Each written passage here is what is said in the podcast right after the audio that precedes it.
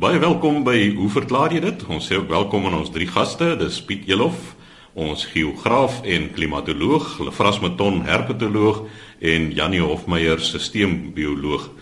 Piet Elof, ons begin eers by jou en 'n luisteraar sê as die aarde altyd ewe ver van die son is, hoekom word dit dan koeler teen sononder, veral daar in Appington en Sutherland se omgewing? Ja, goeiemôre Chris. Ek het hier 'n vraag of twee van Tinus Grobler van Marlow Park. Hy vra eintlik hier 'n paar vrae wat ons kyk of ons vlugtig daaroor kan 'n bietjie kommentaar lewer. Hy sê ek aanvaar dat die aarde altyd feitelik ewe ver van die son beweeg. Dan sê hy waarom koel dit dan af teen sononder en so ook nog koelerig met son op? En dan verder vra hy waarom beleef Appington en Sutherland die uiterstes van hitte en koue? Nou Tinus net interessantheidshalwe moet 'n mens ook noem dat die aarde eintlik 'n baie baie klein deeltjie van die energie wat die son uitstraal onderskep. Ten spyte daarvan het ons nog mense op hierdie aardbol wat dink die son skyn uit hulle uit. Maar uh, dit nou daar gelaat. Die hoeveelheid energie wat die wat die aarde ontvang van die son af, dit varieer natuurlik of dit verskil van breedtegraad tyd van die dag en natuurlik ook van die seisoen en uh dit hang dikwels ook af die aarde se bewegings. Die twee bewegings wat ons van meeste kennis neem is die rotasie van die aarde om sy eie as en dan die omwenteling om die son deur die loop van die jaar. Nou in terme van die afstand wat die aarde van die son af is deur die loop van die jaar in januarie is hy so ongeveer 147 miljoen kilometer van die son af. Ons praat dan van die perihelium.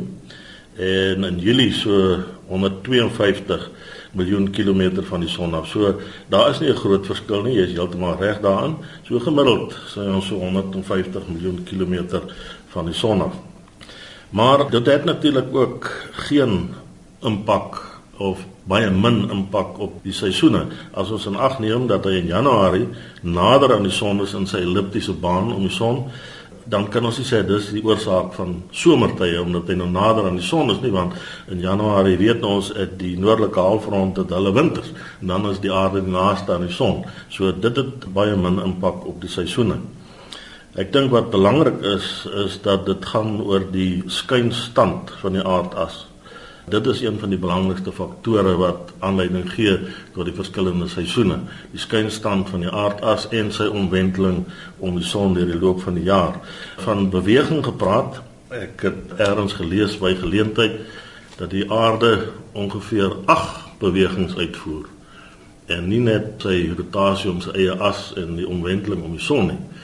'n Interessante een is natuurlik ook dat die skynstand van die aardas die oor 'n baie lang periode, baie lang tyd, die is dan ook besig om te kantel. In die ou dae ek het sien dit baie min deesdae dat kinders tol gooi. Jy weet ons het nog jong daar baie tol gegooi en dan die punt wat in die tol was uitgehaal en 'n spyker daar aangesit en hom skerp gemaak sodat jy die ander ou se tol kon stikken gooi as jy hom raak gooi. Maar daai tol as hy spoed begin afneem, dan begin hy as dit ware te kantel. En die aardas is besig om op 'n baie stadige tempo ook hierdie tolbeweging uit te voer. Die interessante is natuurlik dan indien die rigting van die aardas, die inklinasie van die aardas waar hy nou staan in 'n teenoorgestelde rigting is, dan gaan ons hier in die suidelike halfrond in Desember winter hê en in Junie somer. Dit gaan die implikasie wees van hierdie tolbeweging. Is dit nie half aan die gebeur al nie, Piet? Chris, ek dink daardie tolbeweging, daardie tolbeweging is iets wat baie stadig plaasvind en uh, ek het self al 'n bietjie gewonder daaroor, maar ek dink nie in ons leeftyd verseker nie. Nou ek sê altyd vir my studente, mense liggaam is aangepas by hierdie ag bewegings want een van hulle is natuurlik dat die aarde maan stelsel die beweeg ook rondom 'n middelpunt en daai middelpunt van die aarde maan stelsel is eintlik geleë onder die aardoppervlak. Maar die, die menslike liggaam is aangepas by daardie ag bewegings wat hy uitvoer en daarom kan jy regop staan en reguit stap. Maar wanneer jy deur middel van vloeistowwe jou kop 'n bietjie de mekaar raak en jy sit 'n negende beweging by waar die liggaam nie aangepas is nie, dan stap jy nie meer in 'n reguit lyn nie en uh, as dit te erg raak dan val jy om. Soos hulle ook sê dan floor jy. So dit is waarom dit gebeur dat as 'n mens by hierdie watergate in die dorp laat nag kuier kuier gaan dat jy natuurlik nie altyd regop bly nie in in die moeilikheid kan beland. Ja, waarom koel die aarde dan af teen son onder en ook nog koelerig met son op? Ons moet weet dat die temperature wat ons ervaar is hoofsaaklik afkomstig van die aardoppervlak self af. Die aarde ontvang energie van die son en dit is hoofsaaklik in die vorm van kortgolfstrale. Die aarde oppervlak self word verhit en die gee dan ook weer 'n straal weer dit uit. En dan is dit langer golwe en hierdie langer golwe word meer geabsorbeer deur die lug self. Nou as die son gesak het, dan beteken dit daar kom minder energie in So daar gaan minder hitte wees wat uitgestraal word. En dwars deur die nag gaan daar hitte uitgestraal word terwyl daar bitter min weer terugkom. Behalwe as dit natuurlik bewolk is, dan kry ons teenstraling van die wolke of wolkstraling terug na die aarde toe en daarom word dit ook nie so koud as die lug bewolk is in die aand nie. Maar uh eers weer wanneer die son opgekom het in die oggend, dis hoekom jou laagste temperature natuurlik ook voorkom net voor sonop. Daarna natuurlik dan vang ons meer energie en die aarde verhit en kan weer hitte uitstraal. So dit is hoekom dit nou in die aande dan koeler word as die son gesak het en natuurlik nog by son nog so koel is.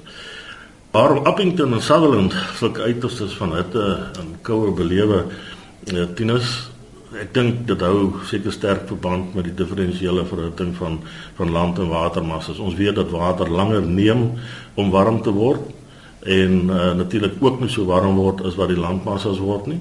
So enige lug in aanraking met daardie water sal dan nie dieselfde temperature ervaar as wat oor landmassas sal wees nie. Nou sal hulle in Appington sover my kennis strek lê redelik ver van groot watermassas soos die see byvoorbeeld af en daarom sal die omgewing baie warm word deur die loop van die dag en die temperature dus hoog wees en dan natuurlik in die aand gaan hy afkoel in uh Sutherland daar's nie verniet 'n sterrewag op Sutherland nie.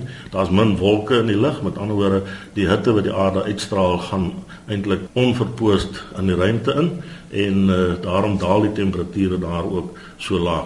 Dis natuurlik as ek praat van diferensiële verhitting van land en watermassas dis een van die redes waarom hier by ons in Suid-Afrika baie min ryp voorkom langs die kus. Temperature daal maar nie ver genoeg die hoeveelheid vog in die lug maak dat jy kondensasie het daar tou wat vorm en latente hitte wat afgegee word. So dit is baie selde dat jy ryp langs die kus sal aantref. Ek dink dis gewoon die feit dat Appington en Sutherland so diep in die binneland lê dat die effek die matigende effek van groot watermassas nie by hulle uitkom nie. Piet daar is tog baie ander plekke wat ook diep in die binneland lê daar in die onmiddellike omgewing byvoorbeeld Beaufort Wes is mos nou nie ver nie, maar Sutherland word dan baie kouer as Beaufort Wes. Maar vras ek dink iets anders wat 'n mens ook in ag moet neem is die hoogte bo see speel. Jy weet die boere in Sutherland al die jare het die ouens gesê hulle het 'n winterplaas en 'n somerplaas. In die somer dan skuif hulle die vee na die hoër gedeeltes, tot die hoër liggende gebiede toe waar dit effens koeler is.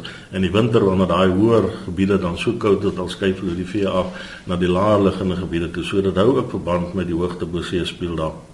Piet, ek kan net sê wat daardie winter en somerplaas betref, dit gebeur vandag nog. Ek het onlangs 'n uh, jong man ontmoet wie se ouers twee plase het in Calvinia se omgewing, die winterplaas en die somerplaas en blykbaar word beide huishoudings ten volle albei huise is ten volle gemeubileer en alles word aan die gang gehou en hulle skuif elke jaar met die vee verlede jaar juis toe daardie groot sneeu die hele land getref het, was hy juis aan die trek met die skape na die winterplaas toe.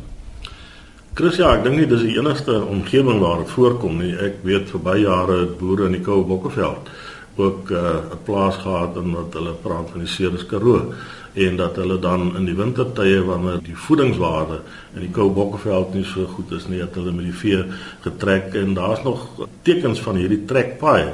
In later jare die manne die vee met met vragmotors vervoer, maar daar was 'n tyd toe hulle letterlik met die vee al pad langs of in die trekroetes het hulle getrek met die vee tot in die Ceres Karoo.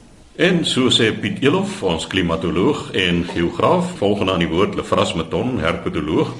Nou Lefras, ons het nou net gesels oor die uiterste koue en hitte op Sutherland en iemand wil by jou weet hoe oorleef verkleermannetjies in hierdie uiterste koue op Sutherland. Dis ja, hierdie brief het nou via of navraag het via uh, Julie van die Heever by my uitgekom Dr. Erwin Kutse van Calvinia se seun boer by die hoogste punt by Verlaten Kloof naby Sutherland. Ek weet as mens nou hier van Maatjies Fontein af ry of van Ceres af, dan gaan jy mos daar uit in die bult. Dis Verlaten Kloof voor jy by Sutherland uitkom. En hulle het nou 'n verkleemannetjie daar gekry. Nou wil hulle weet, die seun nou en hy wil nou weet, is dit moontlik dat dan so 'n koue omgewing vir kleemannetjies kan voorkom? Hoe oorleef hulle in so 'n koue omgewing?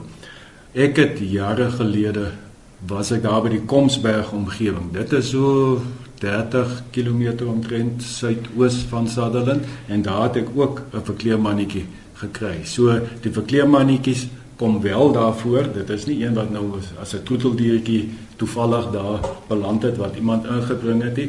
Ek het so 'n bietjie in die in die boeke gaan kyk en tot my verbasing het sien ek dat ja, die Sutherland omgewing lê basies net buite die gebied van die verkleemmannetjie wat ek nou gekry het. Ek het daai tyd nie eens gaan kyk wat is die verspreidingsgebied nie. So lyk my die Sutherland omgewing is so net net op die rand van die verkleemmannetjie. So hulle sal nie volop daar wees nie en hulle kry waarskynlik maar swaar. Maar die vraag gaan nou oor hoe oorleef hulle in so 'n koue omgewing?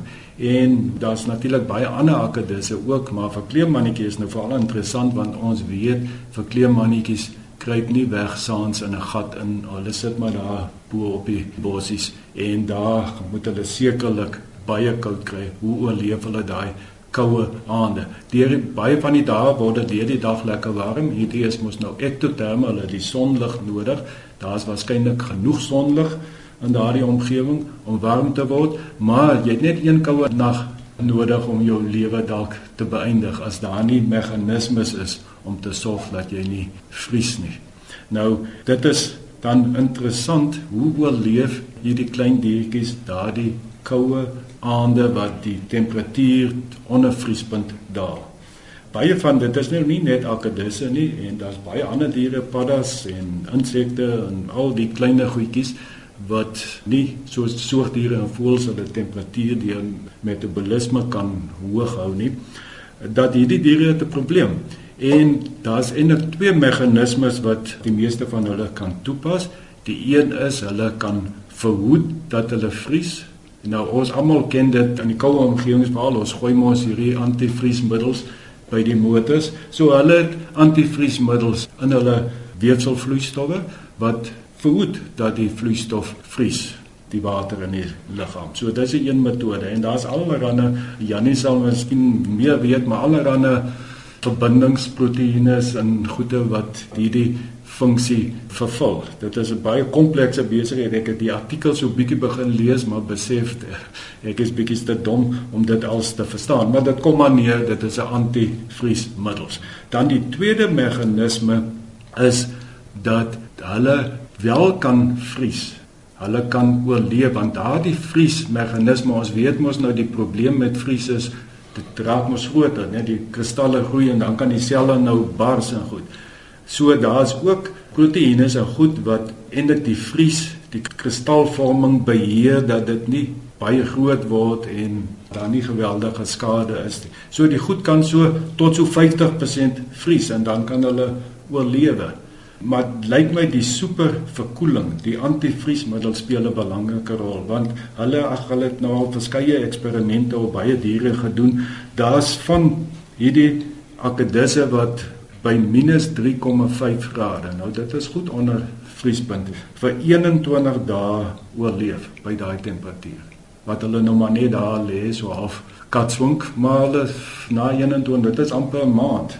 So hierdie goed het wonderlike vermoëns om koue tye uh, of nagte te oorleef.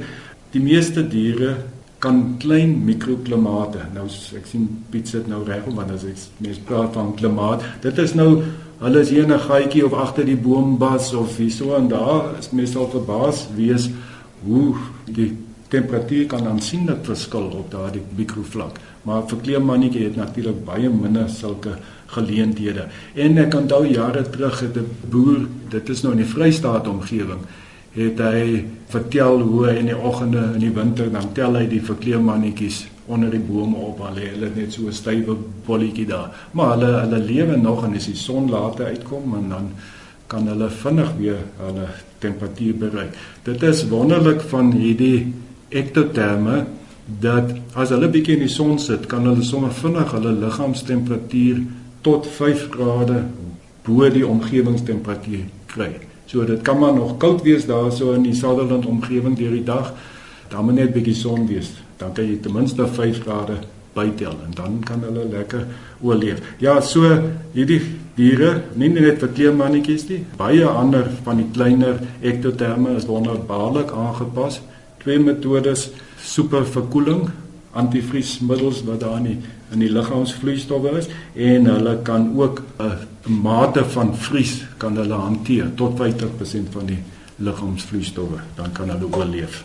Afras is baie interessant natuurlik nie net die die diere wat ons kan sien nie maar ook die organismes wat wat ons nie kan sien nie wat onder ekstreme kondisies kan bly soos bakterieë byvoorbeeld hulle staan bekend as ekstremofiele met ander woorde is lief vir ekstreme omgewings die kan by geweldig hoë temperature, geweldig hoë soutkonsentrasies, kondisies wat vir ander organismes totaal ontoksies is, kan van hierdie organismes oorleef. Natuurlik dan ook baie lae temperature. So daar is 'n pragtige voorbeelde van hierdie ekstremofiele wat werklik in in vreemde kondisies kan bly. Hulle vra as die, die natuur is eintlik baie wonderlik hoe hy aanpas. Ons weet dat as dit so koud is dan pof voels hulle vere op met lug daar binne. As dit ware wat 'n swak geleier van hitte op koue is vir hulle self daar te beskerm. Maar praat van mikroklimate springbokke byvoorbeeld sal jy selde kry dat hulle in die laagste dele van die kamp sal slaap. Hulle sal waarskynlik meeste van die tyd teen die hang wees waar hulle oornag juis omdat die koue lug afdreineer en die koudste temperature in die in die heel laagste gebiede dan akkumuleer maar uh, praat van akedisse in, in springbokke. Wat ek jou net wil vra opmerking en iets wat ek waargeneem het as jy nou so Chris as jy sê sit in springbokke skiet of wag vir die bokke om aan te kom dan kyk jy nou maar rond rondom jou. En ek het al 'n paar keer akedisse daar klein seker donker kleurige akedissies gesien. Maar uh, hoe hy so sterk optel hoe vinniger hardloop hy is dit omdat hy afdra na hardloop of wat is die rede daarvoor As jy sê dan dink ek dadelik aan die slang storie dat jy moet altyd opdraand weghardloop van 'n slange want hy byt mos sy stert vas en dan rol hy in. Nou hy ja, so as jy afdraand hardloop het jy probleme dan as hy vinnig. Ja, nee wat dit is mos maar met honde en al die goeie wat sterte het. Ons het al jare gelede oor sterte gepraat. By baie van die goed wat vinnig is, wat vinnig hardloop, daai sterte is maar balanseer orgaan en party het hom so reg op soos 'n antenne, ander is hy gelig. Dit is maar balanseer orgaan. Praat nou so van akedisse hierdie Komsberg wat ons was. Toe ek nog gaan toestemming vra by die boer laat ons wel 'n bietjie kyk vir akedisse toe sê hy ja wat sê akedis ek kom toe agter maar hy hy weet iets hy sê vir sy dogter gehaal gou daai bottel met die akedisse toe hy nou 'n bottel met formalien en 'n klomp akedisse in En ek kyk so en ek sien maar daar lê 'n toon ook 'n mens toon daar self met die akkedisse. Toe sê ja nee, dit is een van die werkers het sy toon afgespik dat hy wat so wat daar met die akkedisse gegooi. So ek onthou Komsberg baie goed en die verkleermannetjie. Van daardie grillerige noot af beweeg ons nou na Jannie Hofmeyer. Jannie, watter bestanddeel in asperges veroorsaak die sterk reuk in urine? Miskien is ons weer op 'n grillerige onderwerp hierso. Die vraag kom van Piet Eis af van Melkbosstrand. Miskien moet ek eers sê hy is baie waarderend. Hy sê hy wil net aan Chris en die span vertel dat hy al die episode op sy iPad afgelaai het en dit baie geniet om oor en oor te luister. So, dit is 'n groot kompliment. Baie dankie Piet. Sy vraag is: Kan u slim span miskien vir ons vertel wat se bestanddeel in asperges die baie kenmerkende sterk reuk in urine veroorsaak omtrent binne 'n uur eintlik 15 minute uh, nadat asperges genuttig is. Interessante ding is Piet, daar's 'n hele klomp luisteraars vir wie hierdie vraag niks beteken nie, want hulle kan dit nie ruik nie. Dit is iets wat mense dink almal kan dit ruik, maar blykbaar is daar 'n groot gedeelte van die samelewing wat dit nie kan ruik nie. Nou, dis natuurlik iets wat nou al baie lank bekend is. Ek meen hierso is 'n persoon met die naam van Louis Lemery wat 'n boek geskryf het, The Treatise of All Sorts of Foods. In 1702 skryf hy asparagus causes a filthy and disagreeable smell in the urine as every body knows, die everybody twee woorde. Interessante ding is ons weet dis nou nie vir almal waar nie. Daar's daar's baie mense wat dit nie kan ruik nie en daar is baie mense wat nie die reuk uit asperges kan produseer nie. En die verhouding tussen rykers en nie rykers en tussen produseerders en nie produseerders, dis nou nog 'n saak van debat.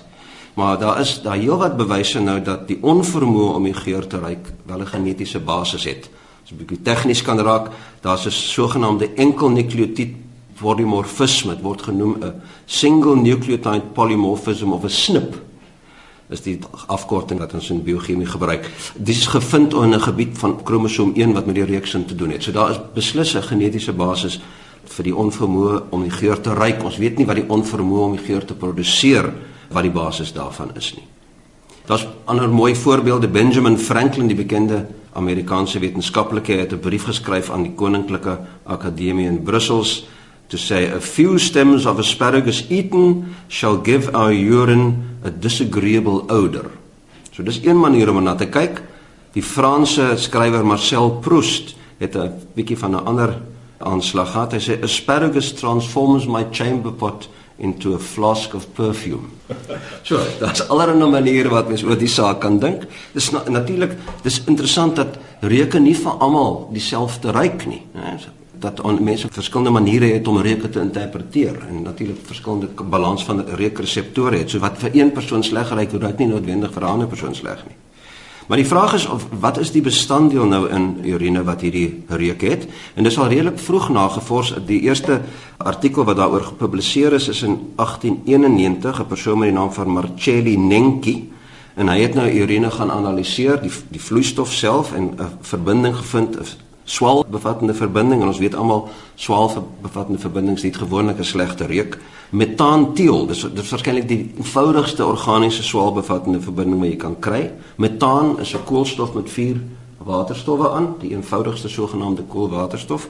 En as jy een van daai waterstowwe vervang met 'n SH groep, 'n tiol groep, dan kry jy 'n verbinding met die naam van metaantiol of of mercaptometaan is 'n ander woorde metielmercaptaan daar's al 'n verskillende name daarvoor maar die aanvaarde term nou is metaantiol natuurlik hang dit altyd af van ons analitiese tegnieke wat jy kan optel hoe jy dit goed van mekaar kan skei en hoe sensitief jy kan meet. Soos wat in die 20ste eeu aangaan waar daar ongelooflike ontwikkeling was in ons analitiese tegnieke so het mense dan elke slag nuwe goed ontdek. So in 19 56 het Allison en McWhither in die joernaal Nature geskryf dat metaalteol in sommige mense se urine voorkom maar nie in ander nie. En dan heelwat later in 1975 was daar 'n navorser met die naam van White wat toe een van hierdie baie sensitiewe tegnieke gaskromatografie gebruik het om op ekstrakte van urine te werk en dat hy nou twee ander swaalbevattende verbindings gekry. Ek gaan nie die name noem nie, dis heeltemal te kompleks, maar hy het gevind dat hierdie verbindings kan afbreek na metaantiol toe en hy gedink dit verduidelik dan die vorige resultate van Marcelli Nenki en van Allison Wither. So hy het nou ook hierdie verbindings wat hy ontdek het by urine gevoeg en dan kon hy die kenmerkende reuk kon hy nou ruik. Hy was een van die wat duidelik 'n ruiker was. Maar Waring was waarskynlik die persoon wat die versigtigste hierna gekyk het. So hy het in 1987 'n artikel geskryf waar hy die vorige werk ge gekritiseer het. Hy het gesê die fout wat vorige navorsers gemaak het is om met die urine self te werk, ekstrakte van urine te maak. En al hierdie chemiese metodes, dit kan dan modifikasies op die urine veroorsaak. Wat mens behoort te doen is om die damp bokant die urine te analiseer. En so die vlugtige stowwe wat in daai damp voorkom, dit hy dan geanaliseer en hy het toe gevind dat daar vyf verbindings is wat in die vervlugte verbindings almal bevat swaal wat in die damp voorkom. Die bekende een metaantiol was een van hulle en 'n ander een is dan dimetielsulfiet, dis die twee belangrikstes. En hy het gevind dat as jy nog rond speel met hierdie verskillende verbindings, dan is dit 'n mengsel van metaantiol en dimetielsulfiet, die gee dieselfde reuk as die urine van mense wat wat hierdie aspersie reuk kan produseer.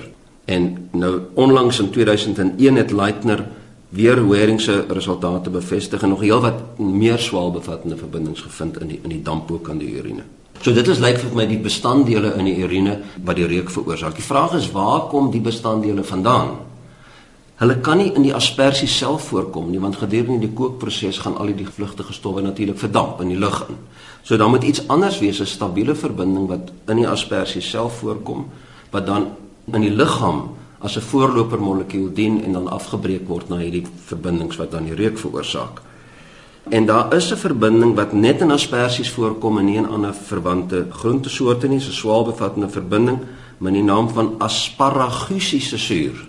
Asparagusic acid in Engels.